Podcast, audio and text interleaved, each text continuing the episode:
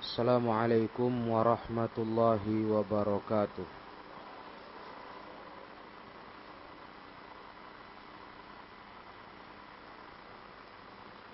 Innal hamdalillah nahmaduhu wa nasta'inuhu wa nastaghfiruh. Wa na'udzu billahi min shururi anfusina wa min sayyiati a'malina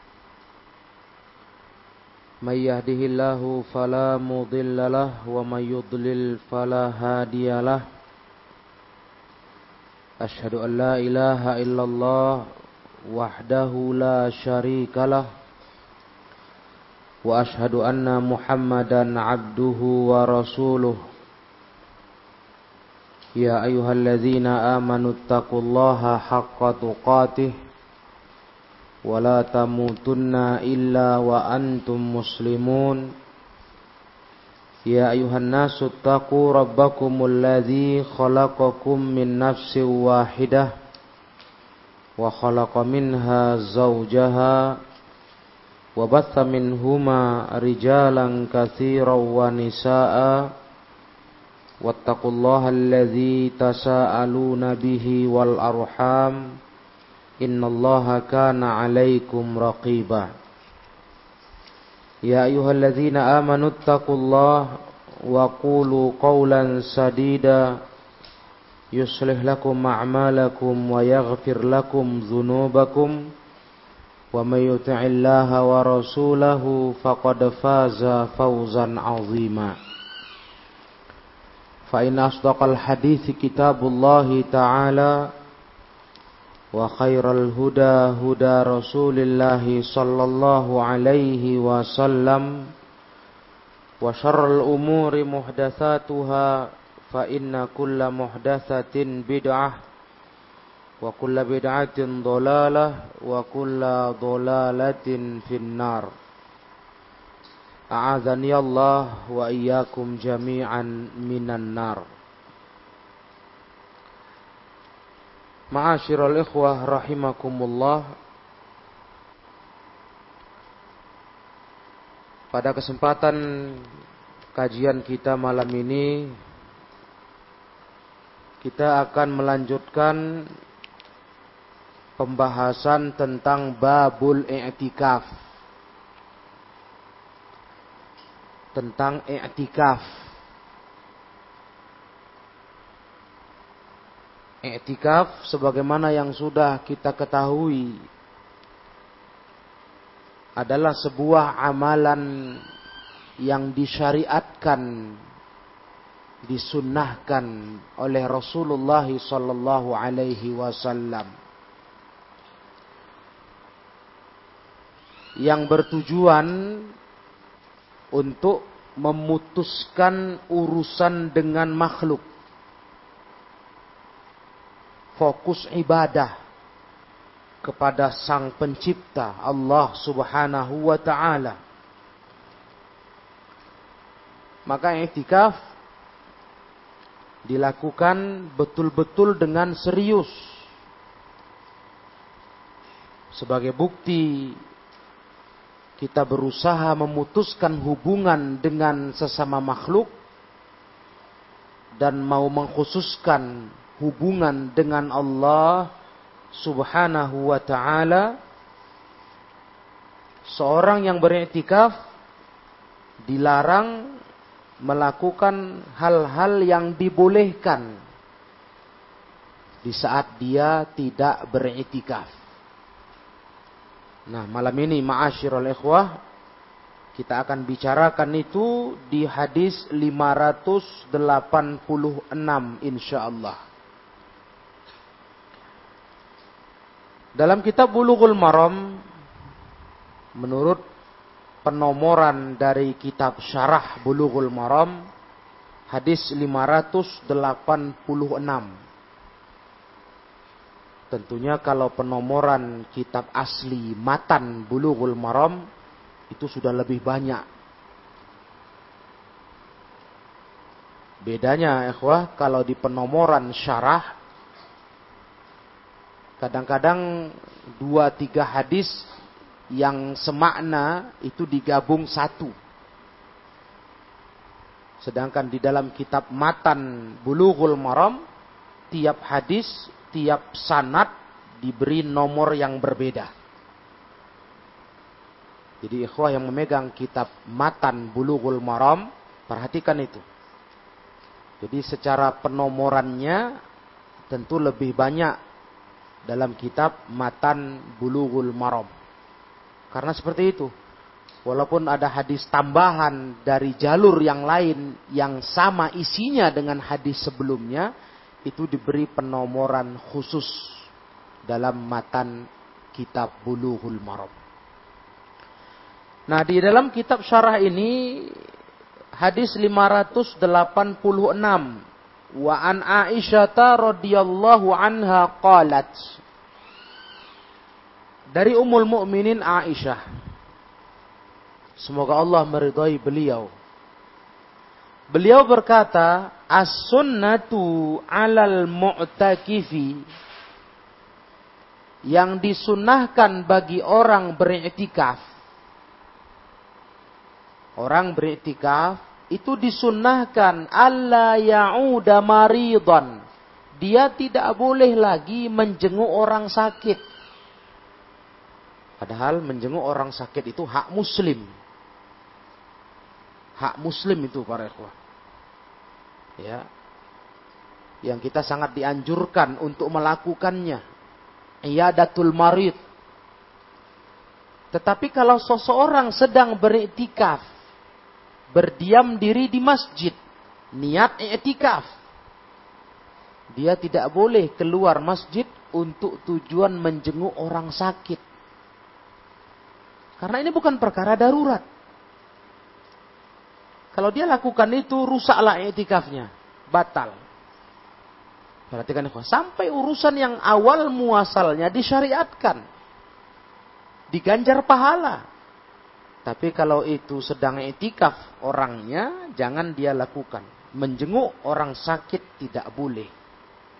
Wala yashhada janazatan. Begitu pula, dia tidak boleh menghadiri penyelenggaraan jenazah bertakziah.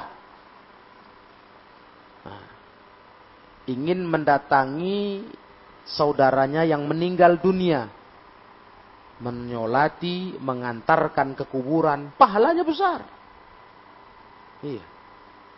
Kalau lengkap, datang kita ke tempat saudara kita yang meninggal dunia, kita solatkan jenazahnya, kita antar ke kuburannya, pahalanya dua gunung Uhud banyaknya. Tuh. Itu hak muslim yang kita sangat dianjurkan. Tapi, jikalau sedang beriktikaf, kata Ummul Mukminin Aisyah, tidak boleh.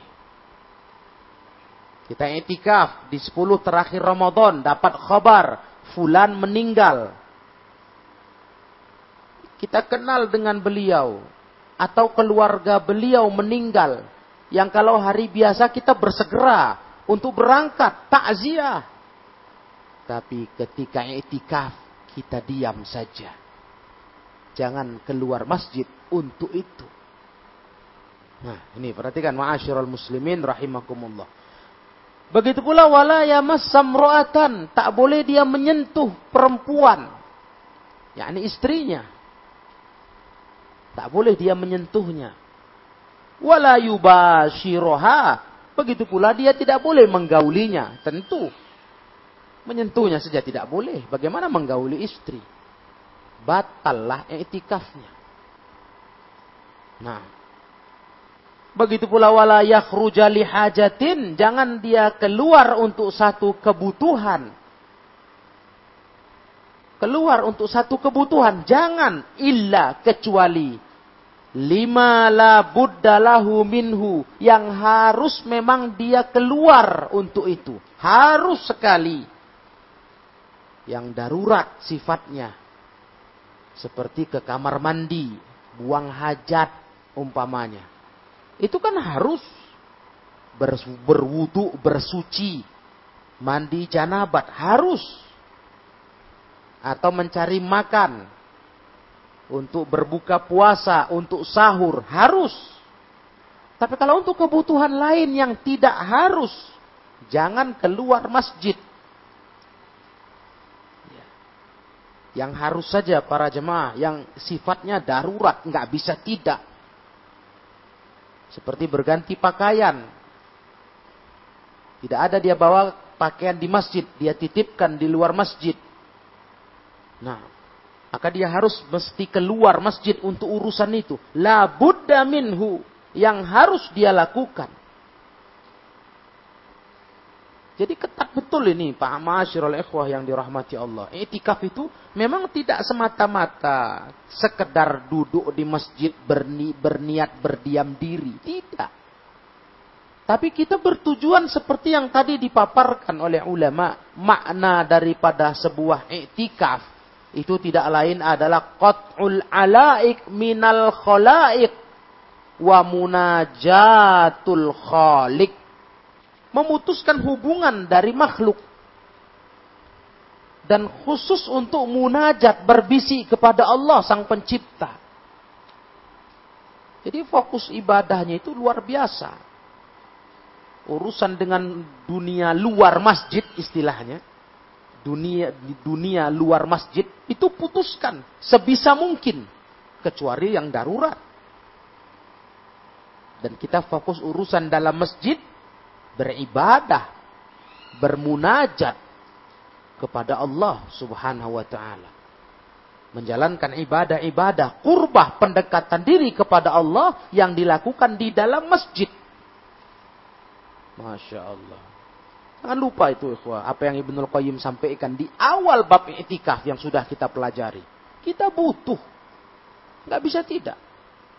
Karena kita sadar memang betul.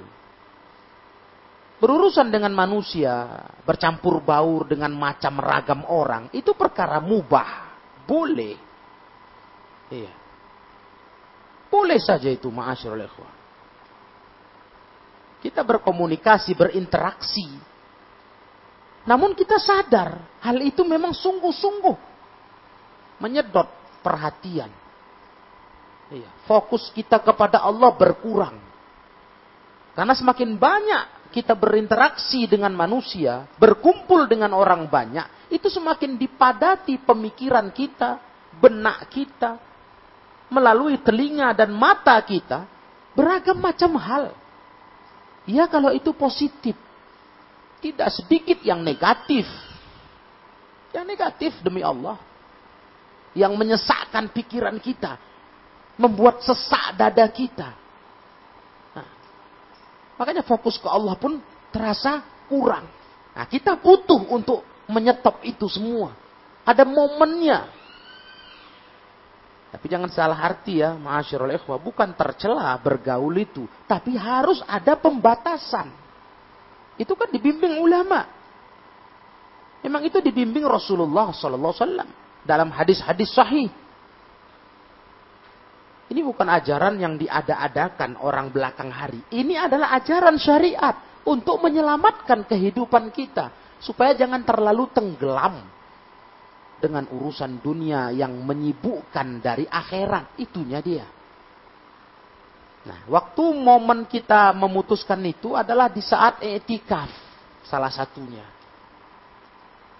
Fokus 10 hari terakhir Ramadan memadatkan ibadah kepada Allah.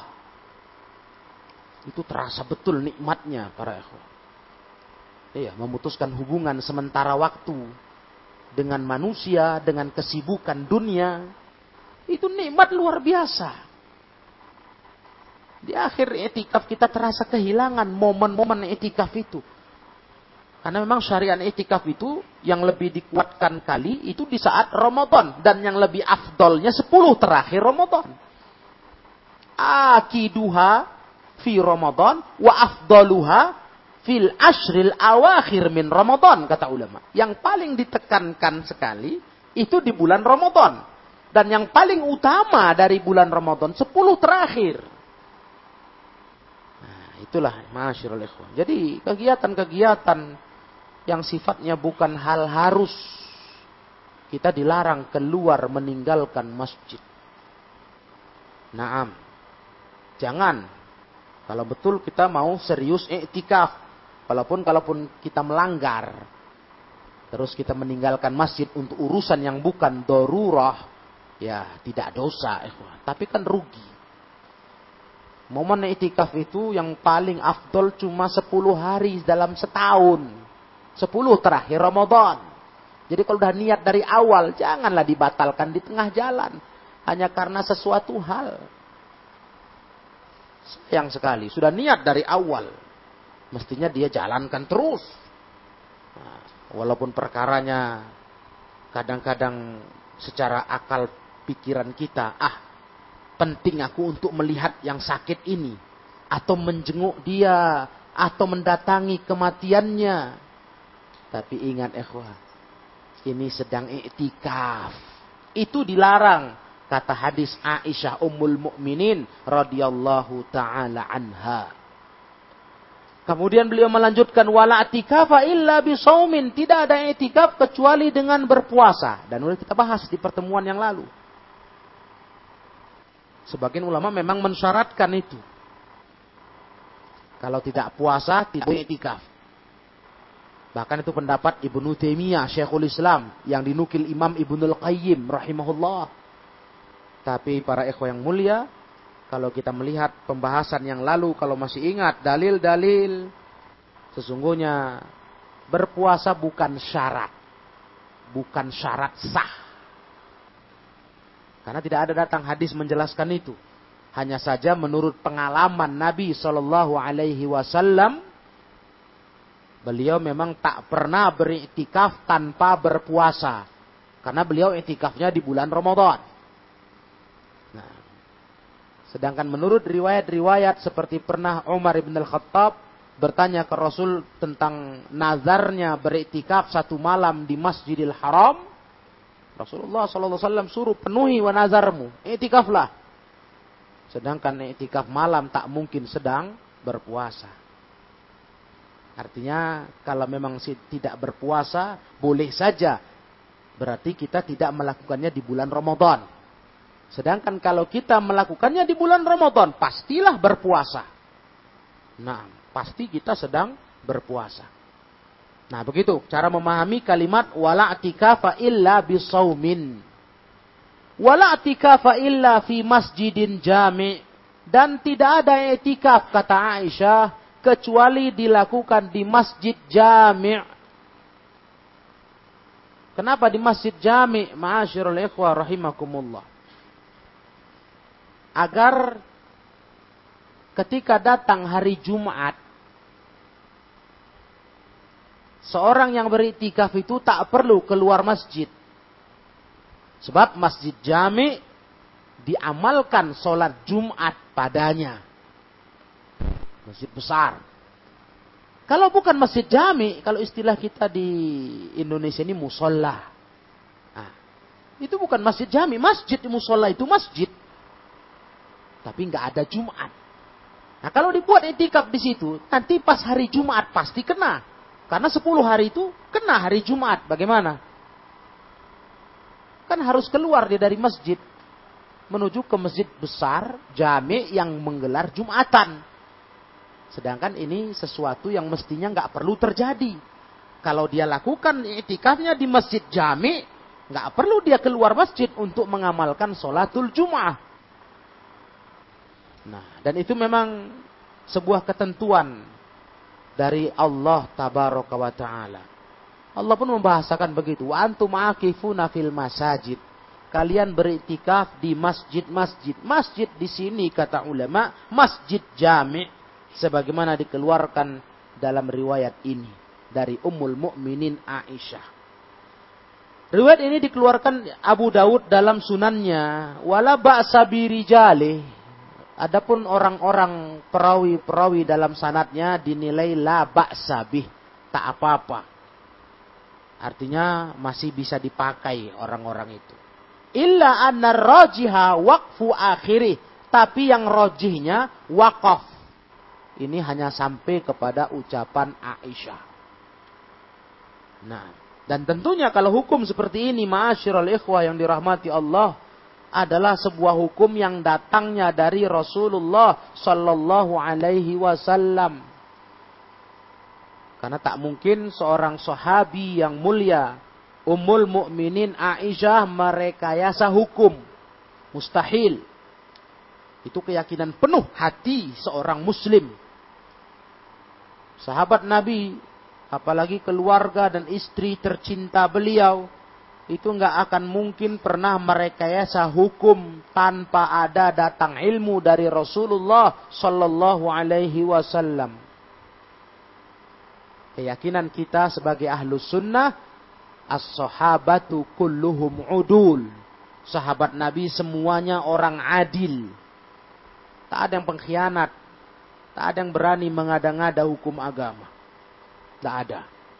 Makanya kalau sahabat yang meriwayatkan, begini, begini, begini seputar hukum Islam, dipastikan kata ulama, mereka mendapatkan itu dari Rasulullah Sallallahu Alaihi Wasallam. Cuma mereka waktu menyebutkan hukum itu tidak menyandarkannya langsung ke Rasulullah.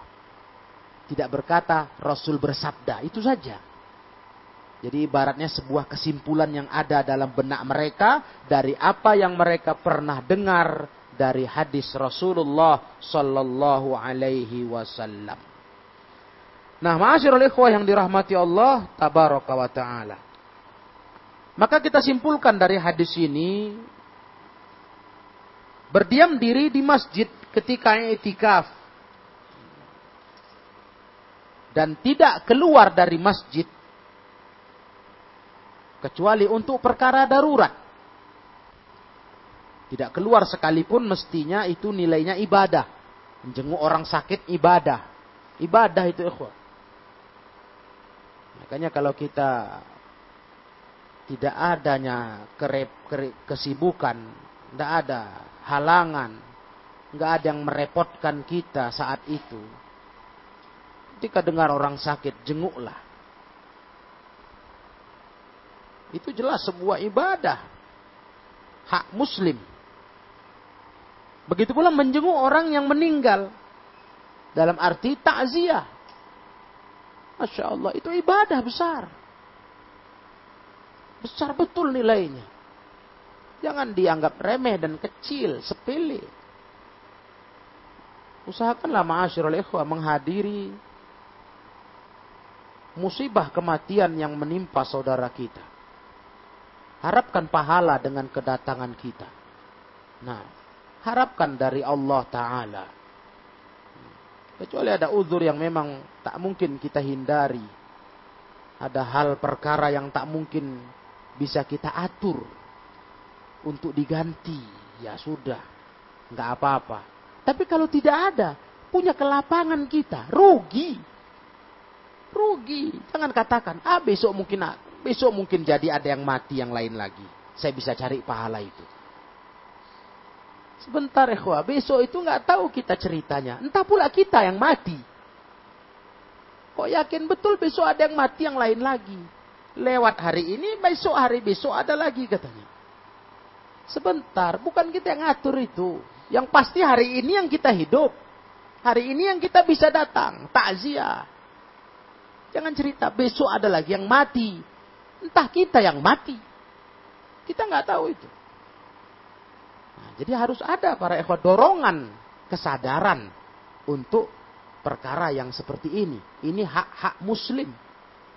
Namun kalau etikaf, kita harus tinggalkan itu. Itu syarat. Syarat itu kata para ulama dan ini pendapatnya para sahabat. Iya, syarat. Untuk sah etikaf jangan keluar masjid. Maka urusan kebaikan sehebat itu pun jangan kita keluar. Sedang etikaf itu halangannya. Walaupun kita kepingin. Kita tahu pahalanya, tapi sebentar. Maaf. Ada aturan itikaf yang gak mungkin kita langgar. Ini bukan hajat darurat. Nah, bisa saya bayangkan bagaimana dengan hajat di bawah itu kelasnya. Yang sifatnya mubah. Kalau itu kan jelas disunahkan. Ini mubah. Ya, makanya tidak boleh lah ikhwah. Kalau betul serius iktikaf, nggak boleh keluar masjid karena kalau keluar masjid, kata para ulama, iktikaf kita dinyatakan batal. Nah, kita dianggap sudah batal dari status seorang yang mu'takif yang sedang beriktikaf. Nah, ikhwan yang dirahmati Allah tabaraka wa taala. Setelah jelas masalah itu, dan setelah kita faham apa yang pernah terjadi pada sosok Rasulullah Sallallahu alaihi wasallam, beliau sekalipun rumahnya bersebelahan dengan masjid, nempel. Ketika beliau ingin disisir rambutnya oleh istrinya Aisyah Ummul Mukminin, beliau pun tak keluar masjid kecuali hanya menyodorkan kepalanya. Padahal rumah beliau bersebelahan dengan masjid. keluar pun dia dari masjid, ya masuk rumahnya bersebelahan dengan masjid. Tapi Rasulullah tidak lakukan itu. Beliau tetap tubuhnya di masjid, sodorkan kepalanya di pintu rumahnya. Begitulah Rasulullah SAW menjaga etikafnya. Nah, maka kalimat tadi yang dikatakan ya masam ro'atan wala tentunya ini kaitannya dengan hubungan suami istri. Hubungan suami istri. Karena dari praktek Rasul Wasallam beliau disentuh istrinya bahkan Aisyah ber, dalam posisi haid saat itu itu tidak merusak etikaf beliau, tidak membatalkan etikaf beliau. Nah, Sallallahu Alaihi Wasallam. Nah, tinggallah satu masalah ma'asyiral ikhwah yang dimuliakan Allah. Kalimat wala tikafa illa fi masjidin jami' Tidak ada i'tikaf kecuali dilaksanakan di masjid jami'. Masalah ini ada tiga pendapat sebenarnya di kalangan para ulama. Dua pendapat termasuk yang memiliki argumentasi kuat. Satu pendapat yang lemah, tapi cukup banyak beredar di kalangan masyarakat. Kalau pendapat yang lemah mengatakan apa? Qalu lau fi masjid baiti. Kata mereka, ulama-ulama pendapat ketiga, saya ambil dari yang belakang, Etikaf tetap boleh dilakukan walaupun di masjid rumahnya. Masjid rumahnya, yakni di rumahnya itu ada tempat khusus sholat. Memang dia niatkan untuk sholat bagi keluarganya. Adapun laki-laki di masjid, masjid luar, masjid jami, masjid besar, berjamaah. Dia boleh sholat di masjid rumahnya untuk sholat sunat. Pulang dari masjid ke masjid rumahnya, sholat sunat atau sholat malam tahajud. Kalau berjamaah dengan anak istri salah. Eko sudah tahu hukum sholat berjamaah di masjid. Masjid kaum muslimin. Wajib. Wajib bukan sunnah muakkadah. Itu yang betul pendapatnya. Bukan disunahkan. Kalau disunahkan ditinggalkan gak berdosa. Ini berdosa. Itu bukan kita yang berkata. Itu kata fatwa-fatwa para ulama. Ya, bukan kita sok tegas, ha? sok mampu, bukan. Masalahnya itulah memang dalilnya yang kuat. Wajib sholat berjamaah ke masjid. Jangan di rumah, walaupun di rumah bangun masjid pribadi. Itu bukan masjid dalam arti yang diwajibkan sholat berjamaah bagi laki-laki. Nah, makanya menyedihkan sekali. Begitu jelasnya kewajiban sholat berjamaah kita saksikan masih banyak orang yang memilih pendapat sunnah muakkadah. Sehingga dengan dalih itu kan sunnah saja. Akhirnya kalau ada acara di rumah-rumah, diundang ustadz, apakah berbuka puasa bersama, apakah pengajian, itu ketika tegak waktu sholat, mereka sholat jamaah di rumah ustadznya imam. Lah bagaimana ini? Nah, ketika ditanya kenapa nggak ke masjid? As-sunnah saja. La ilaha illallah. Memang begitulah orang Indonesia. Kalau sunnah ditinggalkan. So bilang makruh. Ah dikerjakannya. Kan begitu kan? Itulah uniknya kita. Kalau sunnah tuh kayaknya ditinggalkan. Ah nggak wajib kok. Kalau makruh kayaknya kerjakan saja. Ah cuma makruh nggak haram. Kok terbalik. Makruh tuh mesti ditinggal. Karena makruh. Dibenci. Sunnah tuh dianjurkan. Mesti dikerjakan. Cuma entah kenapa begitu. Kan nggak wajib kan sunnah. Oh berarti ditinggalkan. Astagfirullah. Atau besok kita ganti apa? Sholat berjamaah di masjid makruh gitu. Supaya dia mau ngerjakan. Masa begitu? Sampai harus dirubah-rubah hukumkah demi untuk memaksa dia mau sholat di berjamaah di masjid? Nggak masuk akal itu namanya. Nah, jadi kalaupun sunnah, kenapa nggak ke masjid saja? Itu kan dianjurkan. Apa pentingnya di rumah digelar? Supaya apa? Biar rumah berkah. Enggak, kata Nabi SAW. Rumah itu tempatnya sholat sunat. Biar nggak kayak kuburan. Nah, makanya laki-laki yang utama sholat sunat di rumah. Walaupun di masjid boleh. Nah, supaya lebih rutin lagi sholat di rumah itu hidup, istrinya suruh hidupkan sholat. Jangan biarkan tinggal sholat. Jadi bukan tunggu ada pengajian dipimpin ustadz sholat jamaah di rumah. Biar rumah bercahaya katanya. Rupanya sadar dia rumahnya selama ini gelap gulita. Banyak kali maksiat, tak ada yang sholat di rumah tuh. Pantaslah waktu ada pengajian baru semangat ya. Ustadz kita sholat di sini. Nah, jadi ada masjid ya, masjid rumah. Nah, kata pendapat yang ketiga, di masjid rumah itu pun boleh beriktikaf. Nah, ma masalahnya Eko sudah belajar ilmu kita. Tentu ini terkendala pendapat ini kan. Terkendala praktek nanti, dia mesti keluar untuk sholat Jumat. Taruhlah dia berpendapat tadi, sunnah mu'akada. Di rumah itulah dia berjamaah selama etika. Bagaimana dengan Jumat? Dia harus keluar. Namun kita Jumatan di situ. Siapa ndak jamaah ke situ? Itu masjid pribadi, masjid rumah. Dia harus keluar. Nah ini kendalanya. Maka pendapat ketiga ini kita singkirkan. Pasti kali dalilnya nggak kuat. Nah tinggal dua lagi. Pendapat kedua dan yang pertama mengatakan. Yang kedua, etikaf itu di masjid jami. Tadi yang kita baca. Masjid jami. Di mana pun masjid jami, masjid besar, yang ditegelar Jumat intinya, ah di situ kita etikaf. Jangan di musola. Kalau yang kita istilahkan di, di Indonesia ini, musola. Masjid kecil. kita ke masjid besar. Nah, kemudian pendapat yang pertama, ah ini dia. Ada hadis. Hadis dari Nabi Shallallahu Alaihi Wasallam, beliau bersabda, "La tikafa illa fil masajidis salasah."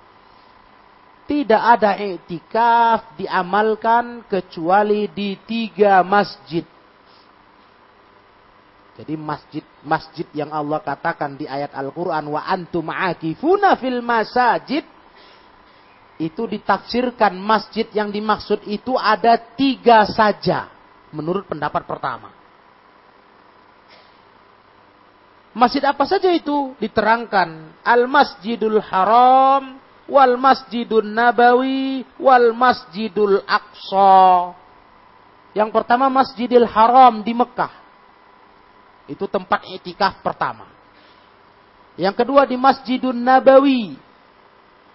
Masjid Nabawi. Kalau di Masjidil Haram sampai saat terakhir aktif Masjidil Haram sebelum wabah Covid itu etikaf terus dijalankan masyarakat kaum muslimin duyufur rahman tamu-tamu Allah di dalam masjid karena memang Masjidil Haram tidak ada rumusannya ditutup sebab tak boleh dilarang orang tawaf di Baitullah Ka'bah kapan pun maka pemerintah tidak punya wewenang menutup akses masuk Masjidil Haram. Maka itikaf di situ terus digelar tiap tahun tanpa ada halangan masuk ke areal Masjidil Haram. Tapi Masjid Nabawi sebelum wabah ini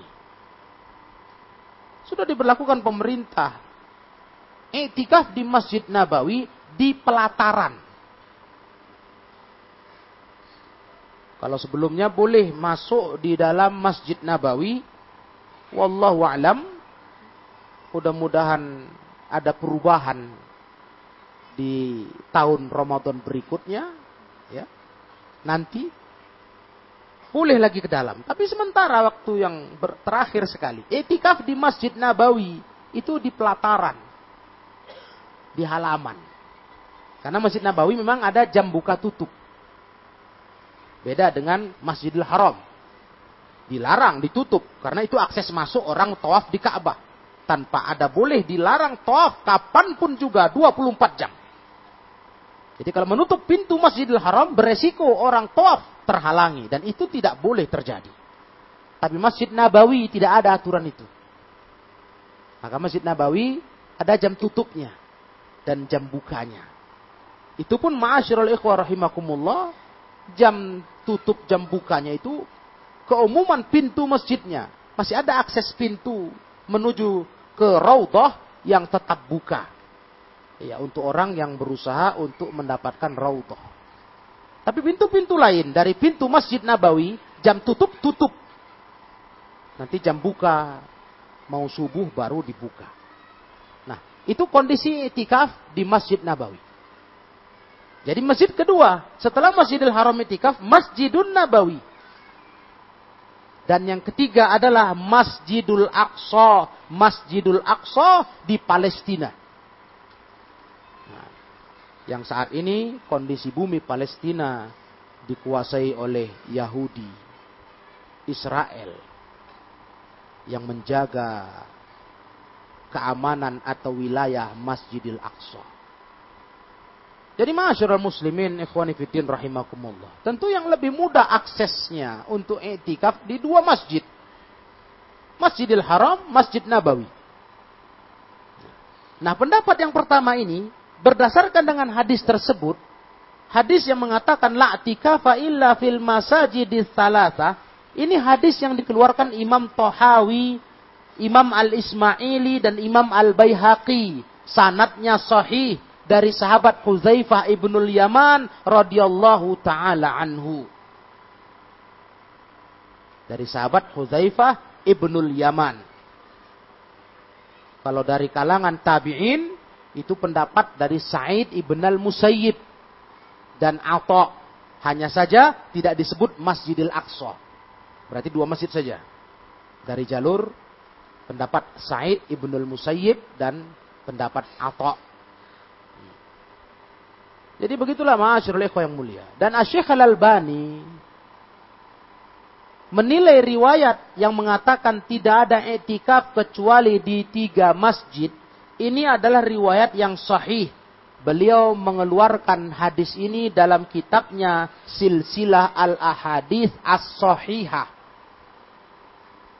Kitab terkenal tulisan Syekh Albani di nomor hadis 2786 hadis 2786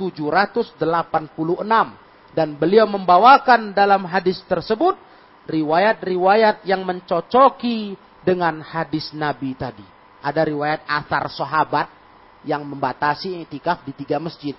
Beliau bawakan di situ sebagai tambahan dan semua riwayat-riwayat tambahan itu sahih. Bisa dirujuk dalam kitab Silsilah Al-Ahadith As-Sahihah Asy-Syaikh Al-Albani. Jadi pendapat pertama ikhwah, membatasi hanya tiga masjid. Itu pendapat dari dalil tadi dan Syekh Albani mengambil pendapat itu. Pendapat kedua mengatakan di semua masjid. Dengan dasar riwayat hadis yang kita baca tadi, Masjid Jami. Hadis itu pun sahih. Dari pendapat Aisyah Ummul Mukminin radhiyallahu taala anha. Nah, jadi dua pendapat ini yang memiliki landasan dalil. Nah, sehingga bagi kita kaum muslimin yang meyakini salah satu dari dua pendapat, ya silahkan.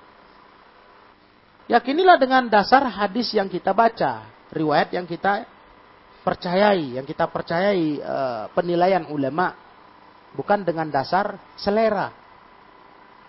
Saya katakan selera misalnya apa? Ya karena kita memang nggak punya selera itikaf. Ya sudahlah, saya ambil benar pertama lah.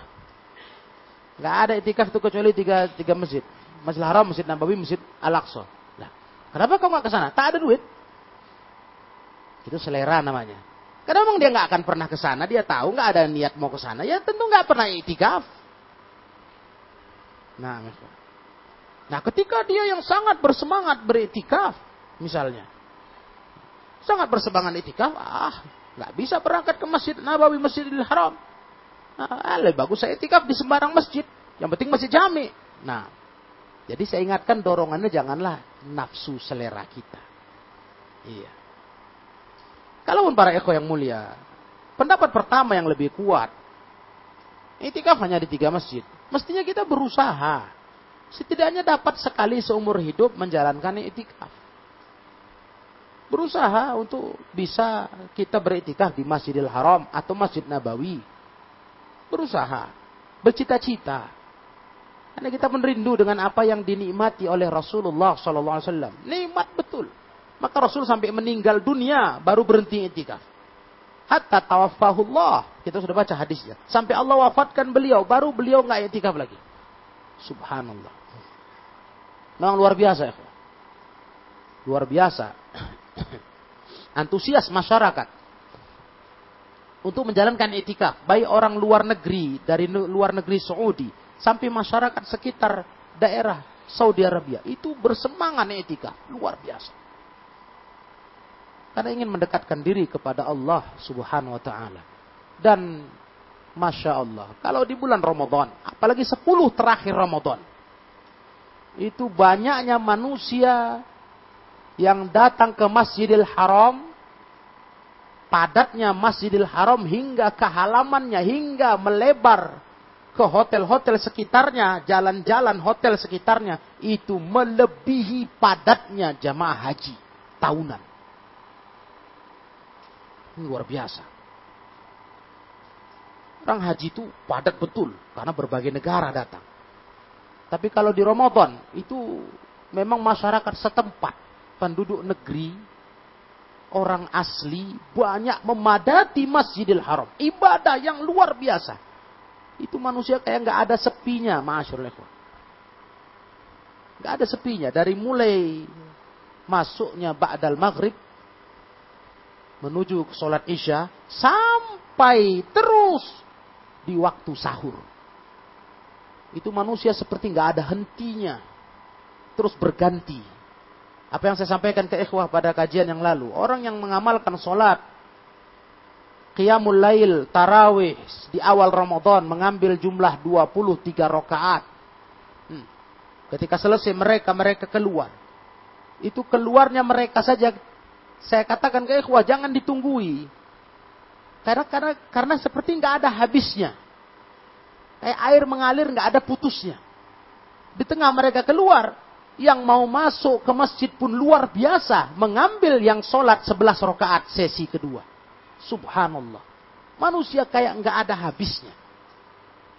Nah, itulah antusias kaum muslimin yang luar biasa mengejarkan sepuluh terakhir Ramadan. Yang sholatnya, yang itikafnya, Masya Allah. Etikaf sudah luar biasa padat. Nah, ada lagi sudah tempat. Kalau nggak semua tegak untuk sholat duduk, nggak ada lagi. Di area etikaf ya kawan.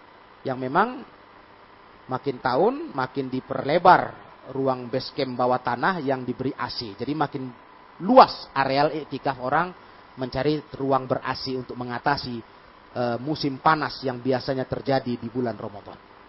Nah, Inilah nikmat Allah atas rumahnya yang mulia Baitullah Al-Haram, Masjidil Haram. Yang terus tak putus-putus didatangi oleh kaum muslimin untuk mengejarkan ridho Allah subhanahu wa ta'ala. Nah, di akhir pembahasan ini, ma'asyirul ikhwah. Eh, para ulama memberikan catatan tentang Lailatul Qadar. Yang memang kita semua sudah tahu salah satu pula yang ditargetkan di etikaf itu kita betul-betul fokus mendapatkan Lailatul Qadar. Lailatul Qadar, ikhwan fiddin yang mulia. Adalah sebuah malam yang mana Allah tabaraka wa ta'ala menjadikan malam itu malam spesial. Malam khusus. Malam yang besar. Maka dibahasakan oleh ulama. Fahiyya laylatun azimatun syarifatun jalilatun indallahi ta'ala. Itu malam, malam yang sangat agung, sangat mulia, sangat istimewa di sisi Allah subhanahu wa ta'ala. Luar biasa. Malam ini misteri, nggak ada yang tahu. Rasul sempat ngasih mau ngasih tahu. Rasul keluar rumahnya mau ngasih tahu ke sahabat malam Lailatul Qadar itu tanggal sekian, malam tanggal sekian. Tapi tidak jadi. Ketika Rasul mau keluar mau memberitahu keluar rumahnya, ada sahabat yang lagi bertengkar. Sehingga dilupakan tanggal pastinya malam itu. Tapi itu hikmahnya besar kata ulama. Supaya kita betul-betul sadar. Sepuluh terakhir itu makin giatlah beribadah. Bukan makin lemah. Makin lesu. Makin sibuk dengan beragam macam kegiatan-kegiatan duniawi. Nah ini maunya dirubah-rubah terus lah ikhwat tiap tahun. Ya kita mulai dari diri kita dulu. Jadi makin banyak ibadah. Sepuluh terakhir tuh. Makin banyak uh, sholatnya, makin banyak Qur'annya, banyak sedekahnya. Ya kan? Bahkan kalau kita memang sudah mampu beriktikaf, sudah bertekad, ada iktikafnya. Begitu. Gak bisa kita anggap lalu saja itu. Bukan malah kita kayak kebanyakan orang, makin akhir Ramadan makin lesu.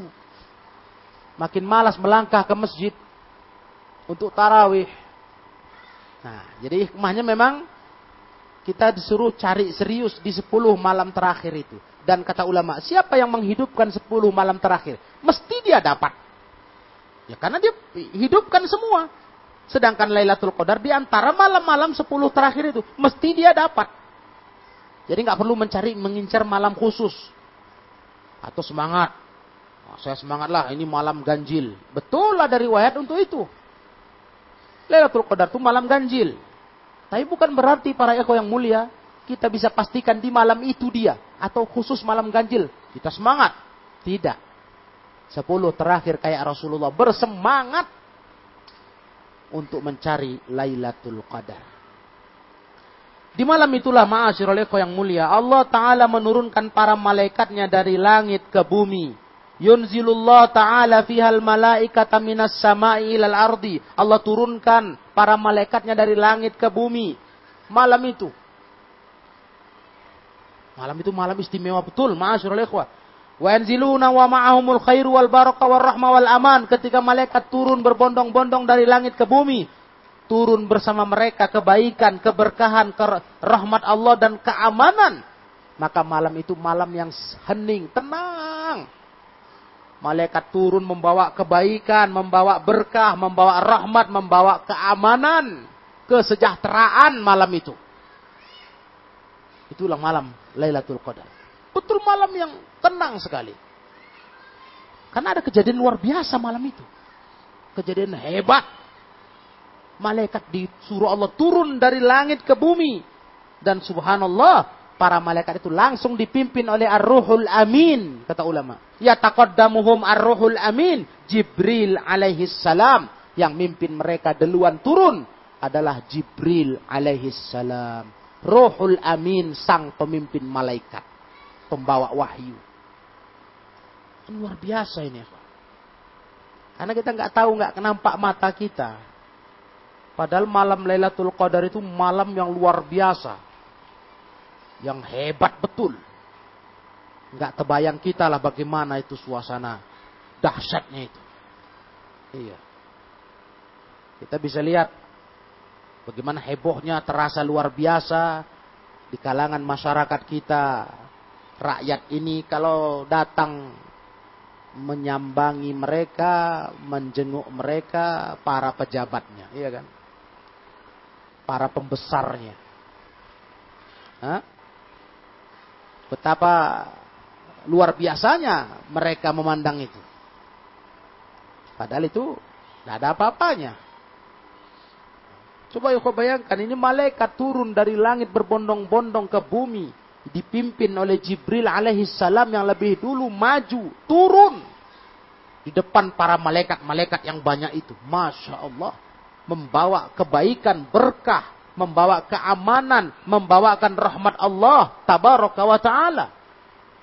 Wah malam penuh kebaikan. Maka dibilang malam itu khairun min alfi syahrin. Satu malam saja lebih baik dari seribu bulan. Lebih baik dari seribu bulan. Kan luar biasa itu perbandingannya. Hebat sekali. Nah, yang begini nih yang memang Rasulullah nggak mau melewatkannya. Nggak mau Rasulullah. Berjuang betul beliau sampai etikaf. Nah, inilah ikhwah. Kembali ke kita juga. Iya. Bagaimana kitanya? Adakah upaya kita berusaha untuk meraih keutamaan malam tersebut?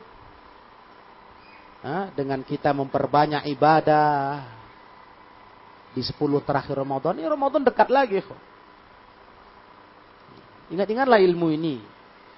Karena kadang udah terjadinya masuknya 10 terakhir. Itu lain cerita nanti. Manisnya ilmu ini, sejuknya ilmu ini masuk ke hati kita, bisa hambar saat udah menghadapi masuknya 10 terakhir Ramadan. Berperanglah di situ kita. Tarik-tarikan dengan dorongan nafsu kita. Dorongan dunia kita, tarik-tarikan. Nah inilah perjuangan yang harus kita jaga. Karena sebagaimana yang sudah sama kita ketahui. Kalaupun sampai Ramadan tahun ini umur kita. Belum tentu ada umur kita Ramadan tahun depan. Belum tentu. Udah banyak betul orang-orang terdekat kita, orang terkasih kita, kawan karib kita yang udah pergi meninggalkan kita. Dia nggak dapat lagi. Mereka nggak ketemu lagi Ramadan-Ramadan yang kita masih mendapatinya. Kita pun nggak tahu lagi ke depan. Masih gak bertemu dengan Ramadan tahun ini? Mudah-mudahan tahun Ramadan tahun depan nggak tahu itu semua. Jadi jadikanlah Ramadan yang kita masih bertemu dengannya tiap tahun itu jadikanlah Ramadan yang sepertinya terakhir untuk kita. Dalam hal memperbanyak ibadah. Jangan berangan-angan masih ada Ramadan tahun depan. Iya masih ada Ramadannya. Pasti ada itu. Kalau belum kiamat ada terus. Kitanya nggak pasti para ikhwah. Nggak tahu kita. Tahu-tahu tengah tahun lagi belum Ramadan tahun depan udah dipanggil Allah kita. Itu yang makanya ulama salaf tuh sering mereka menangis Salah satu ulama salaf ada menangis menjelang wafat. Ditanya oleh para sahabat. Kenapa kau menangis ya? Ya Syekh. Apa kau tangisi? Apakah nangis karena takut mati, bayangkan tinggal dunia ini? Apa kata beliau? Aku menangis karena setelah aku mati nanti orang yang sholat masih tetap sholat, aku sudah nggak ada di tengah mereka. Itu yang kutangisi. Ketika aku mati nanti, orang yang berpuasa tetap berpuasa. Aku sudah nggak ada di tengah mereka. Itu yang ditangisnya, ya. Hah. Yang disedihkannya, orang masih puasa yang hidup. Dia udah nggak bisa puasa. Udah nggak ada lagi puasa dengan yang hidup. Karena sudah mati. Orang masih sholat setelah dia mati. Dia udah nggak bisa sholat tentunya, sudah mati. Itu yang dia sedihkan. Nah, bagaimana dengan kita? Maka jangan pernah ada bayangan, ala Ramadan tahun depan lah. Jangan begitu. Taswif. Syaitan yang punya kerja. Nanti ke nanti. Aku tahun Ramadan depan, tahun depan akan lebih fokus lagi 10 terakhir. Akan lebih fokus. Tahun depan, tahun depan. Belum tahu. Ramadannya masih ada. Kitanya yang belum tahu. Apakah kita sampai tahun depannya itu atau tidak. Nah, marilah ma'asyirul ikhwah yang mulia. Coba ilmu ini mari kita ingat baik-baik. Mudah-mudahan di Ramadan tahun ini kita bisa lebih bersemangat, padat dengan ibadah terutama khususnya 10 terakhir Ramadan. Nah, ya betul-betul kita mau memperbanyak mendekatkan diri kepada Allah Subhanahu wa taala. Jadi begitulah masyaallah ikhwah, selain turun malaikat, Al-Quran pun dimulai turunnya di malam di Lailatul Qadar, malam Lailatul Qadar. Dimulai di malam inilah turun Al-Quran. Hmm. Malam Lailatul Qadar. Awal mulai turun Al-Quran. Dipilihkan malam itu oleh Allah subhanahu wa ta'ala. Dan juga para yang mulia di malam itu. Yahillu fiha salam wal aman. Di malam itu dihalalkan keselamatan, keamanan di muka bumi. Tentram betul malam itu. Sebagaimana Allah berfirman dalam surah Al-Qadar, Salamun hiya hatta matla'il fajr. Keselamatan, kesejahteraan terus sampai terbit subuh malam itu. Betul-betul malam istimewa subhanallah. Sampai subuh ketika Lailatul Qadar itu sudah terjadi malam itu, sudah jatuh malam itu, maka sampai subuh itu salamun kesejahteraan, keselamatan dirasakan alam semesta. Nah, jadi begitulah kaum muslimin yang dimuliakan Allah tabaraka wa taala, tentunya di malam itu doa itu makbul. Makbul luar biasa. Sampai-sampai Ummul Mukminin Aisyah pernah tanya ke Rasulullah sallallahu wasallam, "Ya Rasulullah, araaita in amil alimtu ayya lailatin lailatal qadar?" Apa pendapatmu ya Rasul kalau aku menyadari malam itu Lailatul Qadar? Apa pendapatmu? Kata Aisyah, "Ma aku fiha, apa yang harus ku baca ya Rasul?" Kalau betul-betul malam itu aku rasakan malam-malam Lailatul Qadar. Apa, apa jawab Rasulullah kepada istri tercinta beliau? Quli Allahumma innaka afun tuhibbul afwa fa'fu anni. Kau bacalah kata Rasul, Ya Allah, sesungguhnya engkau maha pemaaf. Engkau mencintai sifat memaafkan ya Allah, maka maafkanlah dosaku. Itu kau baca kata Rasul. Bayangan ya tempat makbul doa, saat makbul doa, yang Rasul suruh Aisyah Ummul Mukminin membaca doa, bukan minta apa-apa. Pada itu tempat saat makbul doa. Doa itu mustajab di malam Lailatul Qadar. Ini hadis Tirmizi. Mustajab. Dikabulkan Allah. Tapi yang disuruh Rasul minta bukan apa-apa. Bukan minta kaya. Minta sukses laku jualan, Hah? murah rezeki. Bukan. Yang disuruh Rasul minta kepada Aisyah malam itu, Ya Allah, engkau zat yang maha memaafkan. Engkau suka memaafkan ya Allah, maka maafkan dosaku. Minta pengampunan dosa, ma'asyir lekwah. Karena itu permintaan yang paling berharga. Paling berharga. Ya, karena kalau sudah dikabulkan Allah itu, selamatlah kita kalau mati kapan pun. Selamatlah. Mati bahagia kita. Tidak ada dosa. Nah, makanya istighfar, al istighfar, minta ampun ke Allah itu, itu sungguh sangat harus sering-sering diulang. Sering-sering diulang. Istighfar itu. Sampai-sampai istighfar itu dikatakan ulama itu salah satu penyebab makbul doa. Karena keutamaan minta ampun kepada Allah itu menyebabkan keinginan kita terkabul. Dari mana diambil itu? Ini tambahan faedah untuk ikhwah. Dari kisah Imam Ahmad. Ada kisah Imam Ahmad bin Hambal dalam Tobaqah Al-Hanabilah. Kitab Tobaqah Hanabilah. Ketika Imam Ahmad bersafar ke satu negeri, satu daerah. Beliau pun bingung, kenapa terdorong safar ke situ? Kayak ada panggilan untuk berangkat ke sana. Beliau pun berangkat. Berhubung tempat itu beliau nggak tahu apa tujuannya. Artinya sasarannya ke mana? Kenalan tidak ada. Beliau singgah di masjid. Singgah di masjid, Ketika beliau ingin menginap di masjid, pengurus masjid melarang beliau. Disuruh keluar beliau. Tidak boleh. Pengurus masjid nggak kenal ini Imam Ahmad. Imam yang tersohor. Begitu beliau disuruh keluar, beliau pun patuh. Tidak terus anggar nama. Enggak terus bilang, aku Ahmad bin Hambal. Enggak. Ya sudah, beliau permisi. Ketika beliau keluar, datang seorang masyarakat biasa bertanya, kenapa kau mau apa di luar sini? Aku mau di masjid. Tapi tidak boleh oleh pengurusnya. Ya sudah, ayo ikut ke rumahku. Ayo ikut ke rumahku. Bolehlah kau nginap di rumahku. Begitu Imam Ahmad berangkat ke rumahnya, ternyata beliau seorang penjual roti, pembuat roti. Jadi beliau mengadon roti malam itu. Imam Ahmad melihat beliau kerja. Sepanjang dia bekerja, mulutnya terus beristighfar. Astagfirullah, astagfirullah. Kata Imam Ahmad bin Hanbal. Kulihat kau terus mengucap sesuatu. Kenapa kau ucapkan istighfar terus? Iya katanya. Aku pernah dapat pelajaran Beristighfar ini mengabulkan doaku. Rupanya apa keinginanmu? Sehingga kau kepingin kali makbul doamu, kau rajin istighfar. Aku kepingin kali selama ini ketemu Imam Ahmad. Subhanallah.